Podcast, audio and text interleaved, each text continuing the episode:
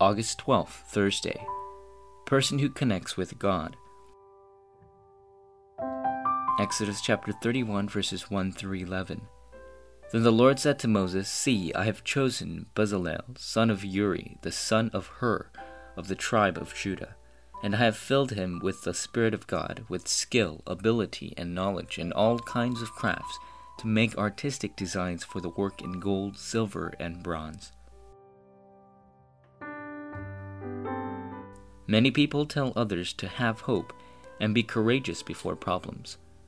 Moses, a man of God, fell into despair before God. However, Moses was a person who connected with God. He believed the word of the covenant that he heard from his mother when he was young.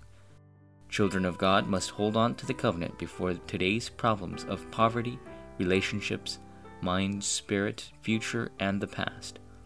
We must meet God inside the covenant. Number 1.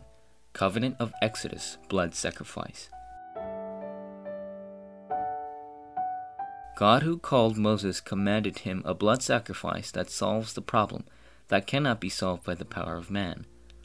The only method to solve the problems of curses and disaster that come to all who have left God is Jesus Christ. The experience of Moses and the Israelites who could save the lives of their firstborn in the face of the ten plagues was the beginning of true blessings, conquest, and the peace that they would begin to enjoy. This is the reason why we must relay the gospel. The solution to the fundamental problem of mankind is restoring the life that is in Christ Jesus, who is God. The answer to why you and your loved ones are suffering is only Jesus. What does the power of blood of Christ have to do with me?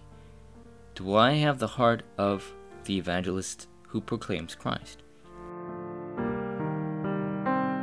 Number 2 Life held in God's hands. Mankind must meet God to be happy.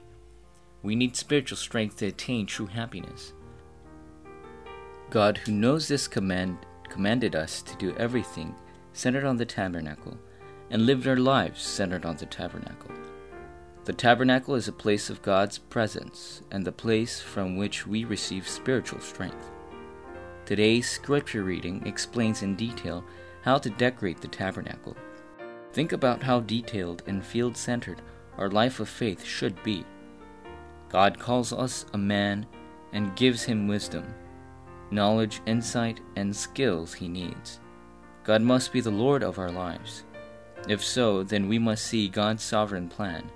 We must realize the reason to go to Canaan.